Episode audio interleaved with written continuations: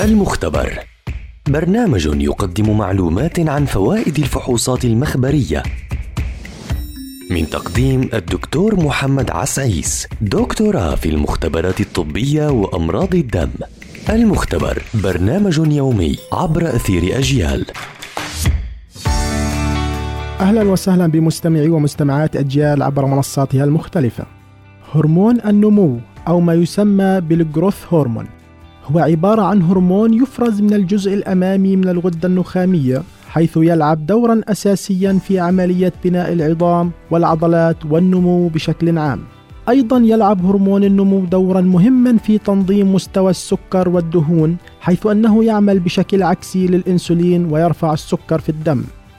زيادة هرمون النمو بشكل كبير يؤدي إلى حدوث مشكلة في النمو وزيادة في النمو ويؤدي إلى حدوث العملقة والعكس صحيح نقص هرمون النمو يؤدي إلى تأخر في نمو الإنسان وحدوث التقزم. أعراض هامة تدل على نقص هرمون النمو عند الأطفال. أولاً قصر القامة بشكل ملحوظ. ثانياً انخفاض مستويات السكر في الدم بالنسبة للرضيع والأطفال. ثالثا العضو التناسلي قد يكون صغير جدا بالمناسبة للأولاد حديثي الولادة الذين يعانون من النقص أيضا قد تكون ملامح الوجه غير ناضجة بمعنى أن يكون الطفل يبلغ من العمر عشر أعوام ولكن ملامحه تبدو كأنه أربعة إلى خمس أعوام.